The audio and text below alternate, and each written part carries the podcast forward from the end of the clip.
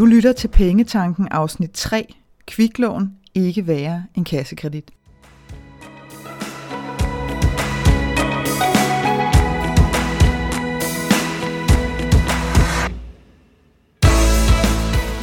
Velkommen til Pengetanken. Jeg hedder Karina Svensen.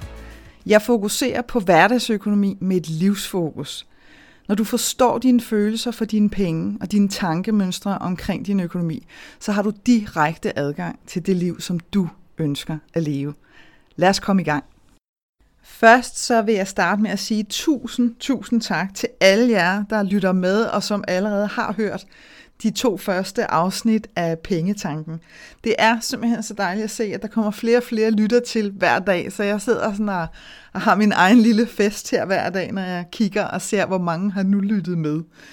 Øhm, I går øh, var sådan en lidt vild dag, fordi der var jeg inde hos min øh, bogredaktør, Heidi fra Skriveværkstedet, øh, fordi at vi skulle øh, tale om produktionsplanen på min bog. Jep, det er, øh, det er sandt. Nu er, nu er, det, nu er det alvor.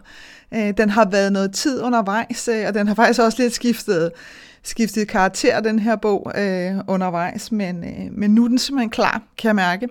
Øh, og jeg er allerede i fuld sving med at skrive på den.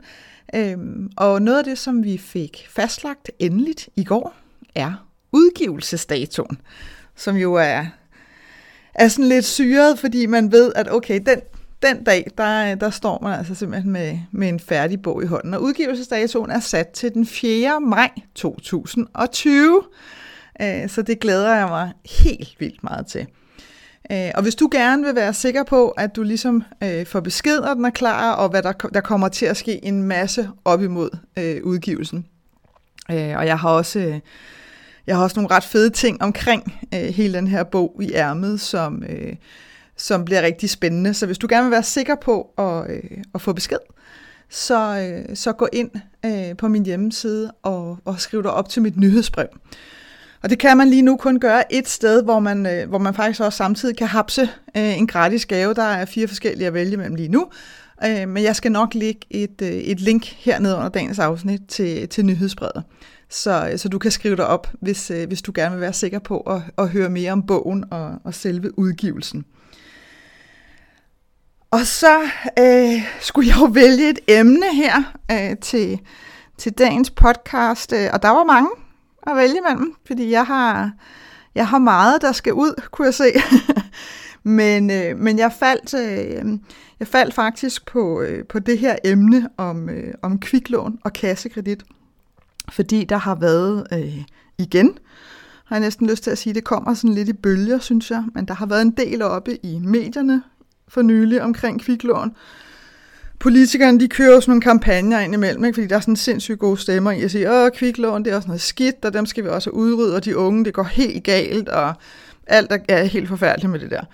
Og så er der sådan flere, der stemmer i kor, øhm, og jeg sidder hver gang og sådan tænker, okay, nu, nu bliver jeg lidt træt. Øh, er der nogen, der gider at tale om kaskreditter i bankerne, samtidig med, at de taler om kviklån? Og det er der ikke rigtigt. Øhm, og det har jeg faktisk tænkt lidt over og tænkt, hvad, hvad, hvorfor, hvorfor er det, at der slet ikke er nogen, der kigger i den retning rigtigt? Øh, og jeg synes heller ikke, at medierne har gjort det. Øh, og jeg tror faktisk, at det er fordi, at øh, kaskredit øh, har været der i, i rigtig mange år, altså den mulighed. Øh, og, det, og det bliver sådan måske nærmest opfattet som sådan en helt naturlig del af, af en økonomi, at, at det er helt normalt at have en kassekredit, og det er det også. Det er slet ikke det. Men, men jeg tror simpelthen, det er derfor, at man slet ikke vender blikket over mod kassekredit og siger, hey ho, hvordan er det egentlig lige med, med en kassekredit i forhold til et kviklån? Hvad er forskellen? Hvordan hænger det egentlig sammen? Øh, og det, sådan skal det selvfølgelig ikke være. Så, så derfor så gør jeg det nu. Øh, og, og, og grunden til, at jeg har valgt at kalde det kviklån ikke være en kaskredit, det er, fordi det mener jeg rent faktisk, at det behøver det overhovedet ikke at være. Øh, der kan være tilfælde, hvor kaskreditten kan ende op med at være meget værre øh, for din økonomi, end at, end at tage kviklån. Og jeg vil gerne have lov til at understrege, at for begge dele, altså både for kaskredit og for kviklån, der er jeg personligt fløjtende ligeglad med, hvad folk gør. Jeg sidder ikke og synes, at det er helt forfærdeligt med, at hvis man er nødt til at tage et kviklån, og, og den skal vi også lige have rundet, ikke? fordi det er sådan noget mærkeligt noget, det der med at være nødt til. Altså der er masser af mennesker, som tager kviklån, som gør det med helt åbne øjne, og de betaler af til tiden, og alt er godt. Altså det, det, det for, for masser af mennesker er det sådan en helt normal måde at låne penge på. Øh, og de gør det enten fordi de er blevet trætte af at, at snakke med, med deres bankrådgiver, og måske føle sig sådan lidt målt og varet hver gang, eller synes, at det går simpelthen for langsomt i banken. Altså, så skal det godkendes, og så bla bla, og underskrifter og alt muligt andet. Kviklån, det er på nettet, så det er overstået. Øh, så, det, så det kan være en holdning. Der er masser af mennesker, som låner de her penge og betaler det tilbage. Så det er altså også bare, hvis du sidder derude og sådan tænker, øh, altså jeg har et kviklån, og jeg så sådan, er jeg så sådan en, der er på skideren, og så er det helt forfærdeligt. Sådan behøver det overhovedet ikke at være. Øh, og det samme gælder kaskredit. Det er ikke fordi kaskredit er sådan øh, det nye produkt for helvede eller noget som helst. Overhovedet ikke. Øh, det kan være rigtig fint, og hvis det passer dig, og du har det fantastisk med din kaskredit, så er det så fint. Så det er altså ikke fordi, jeg er på sådan en, øh, en crusade øh, mod, øh, mod hverken det ene eller det andet. Øh, og det er altså min holdning generelt, når det kommer til, til vores penge og vores private økonomi. Det er altså vores egen, og det behøver der sådan set ikke at være nogen andre, der blander sig i, hvad der sådan er, er godt eller skidt for hverken dig eller mig. Øhm, og, og, og man kan sige, det du er, det du, det du vil være i stand til, hvis man kan sige det sådan, altså når du har lyttet til dagens afsnit, så vil du have fuldstændig styr på, hvorfor et kviklån kan være rigtig fint, og hvorfor en kassekredit kan være rigtig fin, eller det stik modsatte. Altså, så vi får ligesom lige, øh, vi får lige skilt de der to ting lidt ad, øh, og splittet dem lidt ud, og kigget, kigget lidt, lidt grundigere på dem, og set, hvad er det egentlig, de er gjort af, og hvorfor er det, at de faktisk ikke er så frygtelig forskellige. Og her er det, her er det, at jeg kan høre, jeg kan nærmest høre bankrådgiverne sidde og råbe derude, at det er det er helt forkert, det hun siger. Man kan slet ikke sammenligne. Det er pære bananer, og det er frygteligt, og, og kaskredit har ikke noget som helst med kviklån at gøre, og det, det er helt skidt. Øhm, og det kan jeg godt forstå, at de gør, fordi hvis du tænker over det, hvor meget snak har der så været om kaskredit i medierne? Altså jeg vil ikke sige nogensinde, for jeg ved jo ikke, hvordan det var, da det opstod. Jeg kan faktisk ikke huske, øh, hvornår kaskredit ligesom blev et, et produkt. Det kan også være, det var før min tid, jeg skal ikke kunne sige det. Øhm, men der har ikke, altså, ej, ikke sådan de seneste 10 år i hvert fald, har der ikke været sådan en harcelering omkring, åh, kaskredit, og det er også skidt, og alt muligt andet. Så det er klart, at bankerne har måske da heller ikke sådan den sådan vilde lyst til, at, at jeg nu sidder her og plader løs om den. Øhm, men, men sådan er det bare. Det gør jeg. Øh, og det gør jeg, fordi jeg synes, det er vigtigt. Øhm, og ja, som sagt, bankerne har jo i virkeligheden, altså, de er krøbet sådan fint under radaren med den der kaskredit. Der er ikke rigtig nogen, der, der, der forholder sig øh, kritisk til den overhovedet. Og da jeg, jeg holdt jo på et tidspunkt holdt jeg live-kurser, øhm, og der talte jeg selvfølgelig også om kaskredit, fordi det er som sagt en helt naturlig del af, af mangens økonomi. Og også fordi den er så ufattelig nem at få i banken. Øhm, og da jeg så skulle lave mit, øh, mit online-kursus, øh, som jeg har lavet omkring, hvordan man kommer øh, af med sin kassekredit igen. Og jeg skal nok også linke til det online-kursus her under dagens afsnit, du sidder og tænker, oh, det skal jeg lige have tjekket ud. Øh, men der spurgte jeg simpelthen, der lavede jeg lidt research og spurgte en bankrådgiver og siger, okay, hvad er, altså, hvad er det højeste beløb, som en bankrådgiver typisk, fordi de varierer selvfølgelig en lille smule fra bank til bank, men typisk kan lave en kaskredit på, uden at sådan skal spørge chefen om lov, ikke? altså uden at der sådan skal særlige tilladelser til, hvad er så det højeste beløb øh, gennemsnitligt. Øh, og hun sagde sådan, uden tøven, 25.000.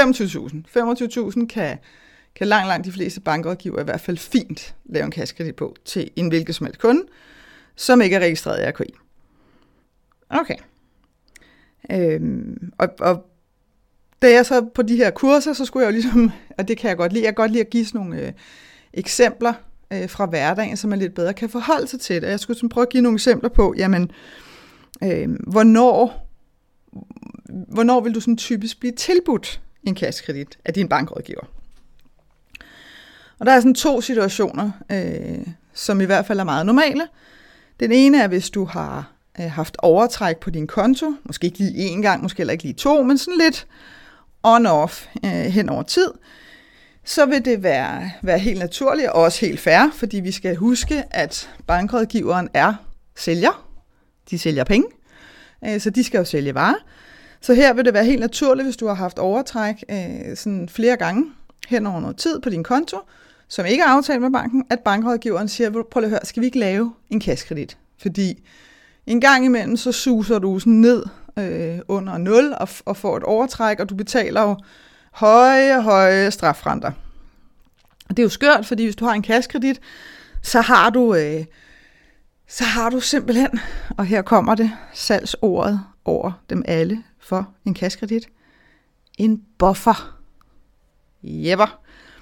Så har du simpelthen en buffer, og det vil sige, at øh, så betaler du en meget lavere rente, fordi der er lavere rente på kassekredit, end der er strafrenter på din konto. Og, så, øh, og, og du betaler jo kun renter for det beløb, du hæver på din kassekredit. Så hvis du lige har sådan en måned, du ved, hvor at du lige har brug for et par tusind, så kan du sagtens det, og det er jo helt cool, hvis der vi laver den her kassekredit på de her 25.000 for eksempel. Øhm, og jeg kan bare huske, da jeg sagde det ord buffer første gang på de her live-kurser, der kunne jeg godt sådan se, ude hos min, øh, sådan i ansigtet på kursisterne, der skete simpelthen et eller andet, hvor, hvor jeg sådan siger, wow, hvad, hvad, hvad skete der lige her? Øh, og der var sådan flere af dem, der sagde, okay, det her, det er simpelthen for spooky. Øh, fordi lige præcis det, du siger der, det var lige præcis det, min bankrådgiver sagde til mig, øh, da han ringede, øh, og, og vi talte omkring den her kassekredit. Der sagde han nemlig lige præcis, ah, men det er jo sådan en fin buffer. Der var faktisk også flere af kursisterne, der havde prøvet øh, hvor de måske selv havde ringet til deres bank og sagt, kunne jeg få en kassekredit på 10.000? Øh, og hvor bankrådgiveren så vil sige, ja, det kan du sagtens, men ved du hvad, skulle vi, du kan altså også sagtens få en på 20. Altså, og du behøver jo ikke bruge den, men så har du den. Hvis der du lige pludselig lige står og, og skal betale depositum på en rejse eller et eller andet, så har du dem. Altså, så er de der jo. Og igen, samme snak, du betaler jo kun rente af det beløb, som du hæver, siger bankrådgiveren. Så, øh, så, så det er jo fint. Altså, du behøver ikke at bruge den, men så er den der bare lige sådan lige som sådan en ekstra buffer. Og den er, men altså, den er, det, det er sgu også meget forførende, ikke? Sådan lige sådan en buffer. Det lyder næsten sådan helt øh, uh, sikkerhed, sådan airbag-sikkerhedsagtig, ikke? Øhm, så, øh, så det er i hvert fald en, øh, eller et eksempel på, typisk, hvis du har haft overtræk, jamen så kan det være, være et godt argument for din bankrådgiver. En anden situation er, hvis du tænker, ved du hvad, jeg kunne godt tænke mig at låne øh, 20.000. Øh, så jeg ringer til min bankrådgiver og spørger, om jeg kan låne 20.000. Sådan en helt almindelig forbrugslån. Jeg skal bruge det til en rejse eller et eller andet. Øh, så det ringer jeg ned i banken og spørger om, eller skriver om. Og der kan du altså også godt øh, risikere at, at blive tilbudt en kaskredit i stedet for. Øh, I stedet for et forbrugslån. Og det er, det er virkeligheden. Det er faktisk lidt snedigt af banken, fordi for banken, der kan en kaskredit meget hurtigt vise sig at blive en ufattelig meget bedre forretning for banken end et forbrugslån. Og det skal jeg nok komme tilbage til, hvorfor det sker. Men det er bare, hvis det er sket for dig, så, så giver det rent faktisk mening fra bankens side, hvis det er, at de i nogle tilfælde har prøvet at foreslå dig en kaskredit i stedet for et forbrugslån. Og, og jeg tænker, at vi lige skal prøve at rise op, hvad er forskellen egentlig, sådan de afgørende forskelle på en kaskredit og et kviklån. Kaskreditten, der er det ganske rigtigt, du betaler kun renter af det beløb, som du har trukket på din kaskredit. Så det vil sige, nu siger jeg et eller andet, renterne kan være meget forskellige. Hvis du betaler en rente på 10% på din kaskredit, så, øh, og du har trukket, øh, du har en kaskredit på måske de 25.000, og du har trukket øh, 5.000 på din kaskredit, så der står altså stadigvæk 20.000 tilbage på din kaskredit, jamen så betaler du kun renter af de 5.000, som du har trukket. Hvorimod på et kviklån, der afdrager du øh, typisk hver måned, og det vil sige, så bliver renterne beregnet af restbeløbet hele tiden på lånet. Øhm, det, der så er udfordringen med en kaskredit, det, det er jo den her øh, sådan famøse fornemmelse af en buffer. Ikke? Uf, du har lige en buffer. Fordi det meget ofte ender op med ikke at blive en buffer. Fordi vi jo bruger pengene for hulen. Ikke? Altså, øh, der er med garanti mennesker derude, der er knivskarpe, skide dygtige til det. Øh, og der er også nogen, der får en kassekredit, som aldrig, aldrig nogensinde bruger den i banken. Øh, så, så det er ikke, fordi jeg siger, at det er umuligt. Jeg siger bare, at der er også rigtig mange, øh, som ender op med at få brugt de der penge. Så der ikke er nogen buffer. Ikke? Fordi nu har man jo ligesom brugt dem. Noget andet og, og virkelig afgørende for en kassekredit, og det her det er altså væsentligt, det er, at der ikke er sexet økonomisk udtryk kommer her, en afviklingsprofil på en kassekredit. Og det betyder, at du betaler ikke af løbende på en kassekredit. Det, der typisk sker, det er, at du har en kassekredit, sikkert på din lønkonto, øh, og lad os sige igen, kassekreditten er på 25.000. Øh, hver gang, at du får løn, jamen så kan det sagtens være, at, at øh, hvis du har trukket 10.000 en måned på din kassekredit, og du får 20.000 udbetalt, jamen så går kaskreditten jo i nul der, fordi så bliver der ligesom, passer ikke at sige, der bliver sat ind, men den bliver ligesom udlignet, der bliver, den bliver ligesom nulstillet, og så har du i virkeligheden 10.000 kroner af de 20.000, du fik udbetalt, det er jo så din egne, kan man sige, og de 10.000 af dem er ligesom givet til din kaskredit. Øh, og sådan kan det jo ligge og køre op og ned. Så kan det være, at du bruger igen i løbet af måneden, så bruger du måske 15.000 den her måned. Får du 20.000 ind, jamen, så er det så 15.000, der går af på din kaskredit, og 5.000, som, som du sådan kan bruge ud over din kaskredit. Og sådan ligger det jo og, og køre. Men der er ikke på din kaskredit sådan, så at det samlede beløb på din kaskredit fra de 25 falder til 20.000 15.000 og 10.000 og til sidst forsvinder. Det er hele pointen med, at det er en kredit. Det er, at der ikke er nogen afviklingsprofil, og at du kun betaler renter af det beløb, du trækker. Hvorimod på et kviklån, som sagt, jamen der betaler man typisk hver måned, og det vil sige, at lånet bliver hele tiden mindre og mindre og mindre. Øh, og det betyder også, at når du har betalt lånet ud, kviklånet ud, jamen så er der ikke længere noget lån. Det der er, det der sådan lidt af det, kan være det tricky og farlige ved en kassekredit, det er, at at selv når din, din, du ligesom har, har fået din kassekredit til at gå i nul, så er den der stadig. Og det der er til, at du kan bruge den. Øh, og, og det der kan være, kan være sådan lidt, lidt småforvirrende at kigge på i din netbank, hvis du sidder og kigger på den, det er, at typisk så vil banken, øh, og der er, ikke noget, der er ikke noget ulovligt i det, men det er også lidt snedigt, typisk så vil banken, hvis du har en konto, øh, hvor du har en kassekredit på de her 25.000, så øh, viser banken det beløb, som du har til rådighed. Det må man gerne. Men jeg ved ikke, om du kan forestille dig. Lad os nu sige, at nu har du fået udbetalt din løn. Din kaskredit, den har du ikke brugt noget af øh, på 25.000. Og så har du øh, så har du måske 10.000 ud over det. Så vil der stå, at du har 35.000 til rådighed. Fordi du har de 25.000 fra kaskreditten, og så har du de 10.000, som du har fået sat ind på din konto. Og det er jo rigtigt nok. Altså, det er vigtigt at understrege. Det er ikke, fordi banken gør noget forkert, når de siger, at du har 35.000 til rådighed. Det, der bare bliver forvirrende i vores hjerner, når vi sidder og kigger på sådan noget, det er, at vi selv skal sidde og regne ud og sige, ja, ja, det er meget muligt, at jeg har 35.000 til rådighed. Det ser sgu da meget godt ud.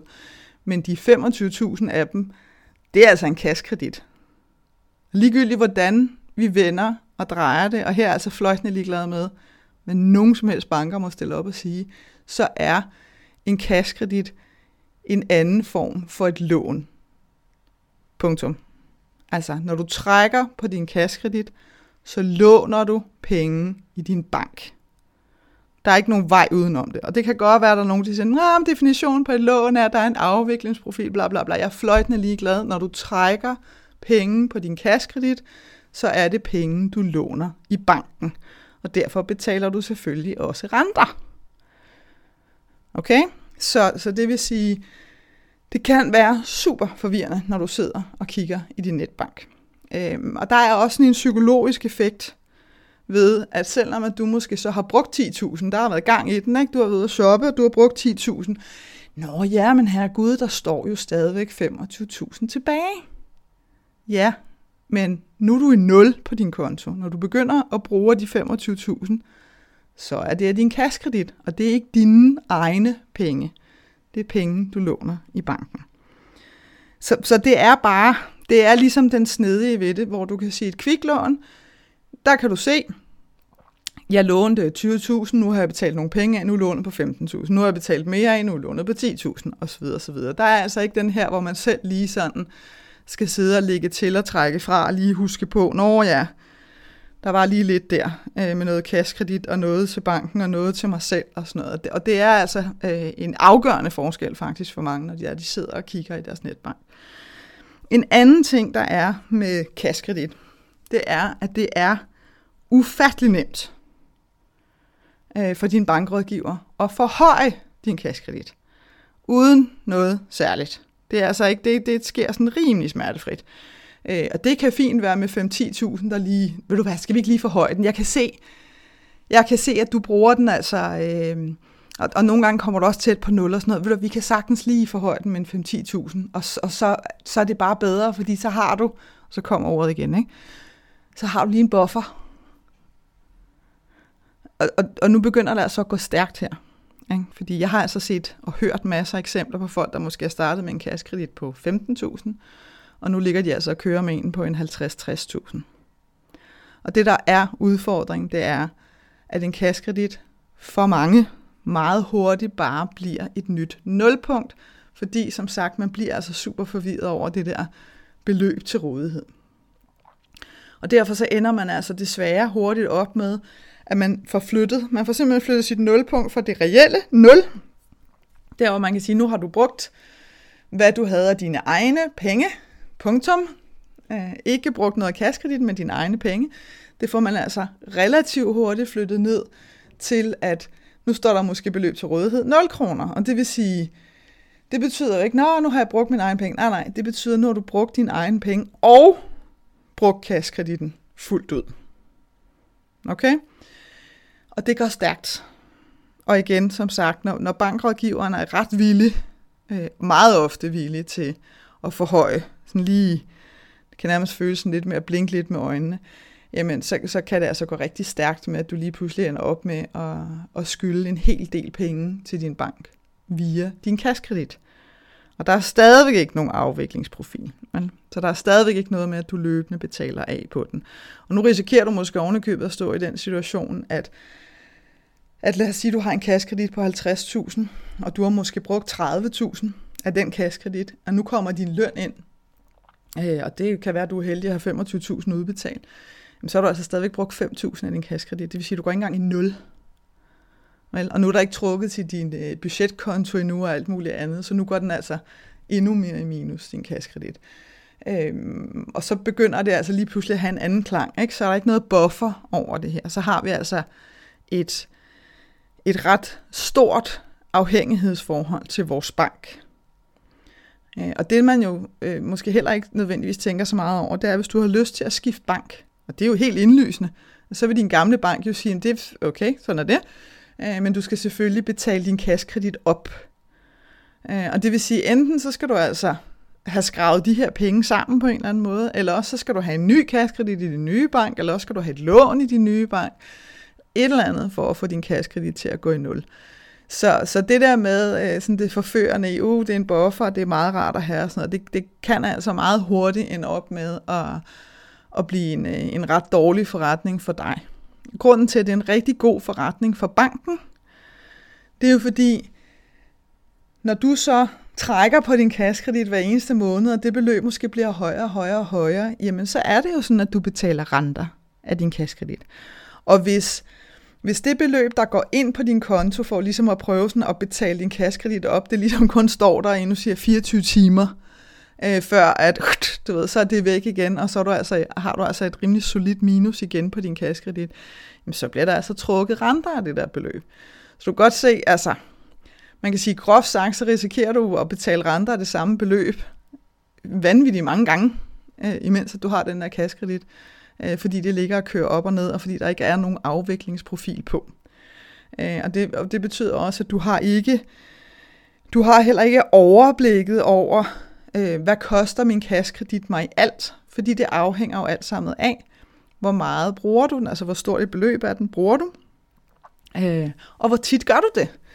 Hvorimod, at hvis du tager et kviklån, jamen så er det, så er det altså fastsat, øh, at man, altså det er, jeg tror faktisk det er forbrugerombudsmanden, der har fastsat, at du skal kunne se, øh, hvad du kommer til at betale tilbage i alt. Så det vil sige, hvis du står og siger, jeg vil gerne optage kviklån på de her 25.000, jamen så skal du altså kunne se, øh, hvor højt et beløb totalt, renter og omkostninger inklusiv, du ender op med at betale af, hvis det er, at, øh, at du betaler til tiden. Øh, så det vil sige, der har du altså direkte overblik over, hvad koster det her mig i alt. Det har du ikke på en kassekredit, fordi igen, vil banken jo sige, helt indløsende, hvor tit bruger du den, og hvor meget af den bruger du, så vil det jo være forskelligt. Så, så der, der har du faktisk ikke det her overblik. Øhm, og jeg har sådan lyst til at sige, altså virkelig, fordi der, der, åh, der kører altså bare de her skøre, skøre historier. Den seneste, jeg sådan så her, der kviklån lige for alvor var op og vende. Nu er alle sådan lidt mere optaget af, hvad der sker i Venstre og alt muligt andet, så nu gider man ikke sådan rigtig snakke så meget om kviklån længere. Men, men da man talte om det her for, det er vel i virkeligheden kun nogle uger siden eller et eller andet, der, øh, der så jeg blandt andet en, øh, et opslag fra, fra et inkassofirma, øh, som gik ud og sagde, ja, nu har vi øh, besluttet os af etiske regler, så vil vi ikke øh, have øh, kviklånsfirmaer som kunder.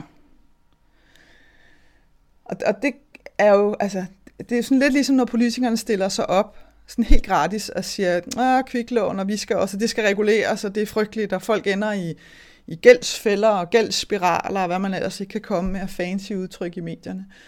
Øhm, det, det er bare sådan lidt, altså jeg spurgte faktisk, jeg skrev faktisk til, til, det her, til den her direktør, det her inkassofirma, og sagde, okay, super interessant, øh, agtigt. Jeg kunne ikke rigtig lige se formålet med, hvorfor at det var smart at gå ud og sige, at etiske regler, men jo, selvfølgelig kunne jeg se det, fordi det var så indlysende der, lige der, der skulle vi alle sammen synes, at kviklånsfirmaen, det var simpelthen det værste af det værste af det værste.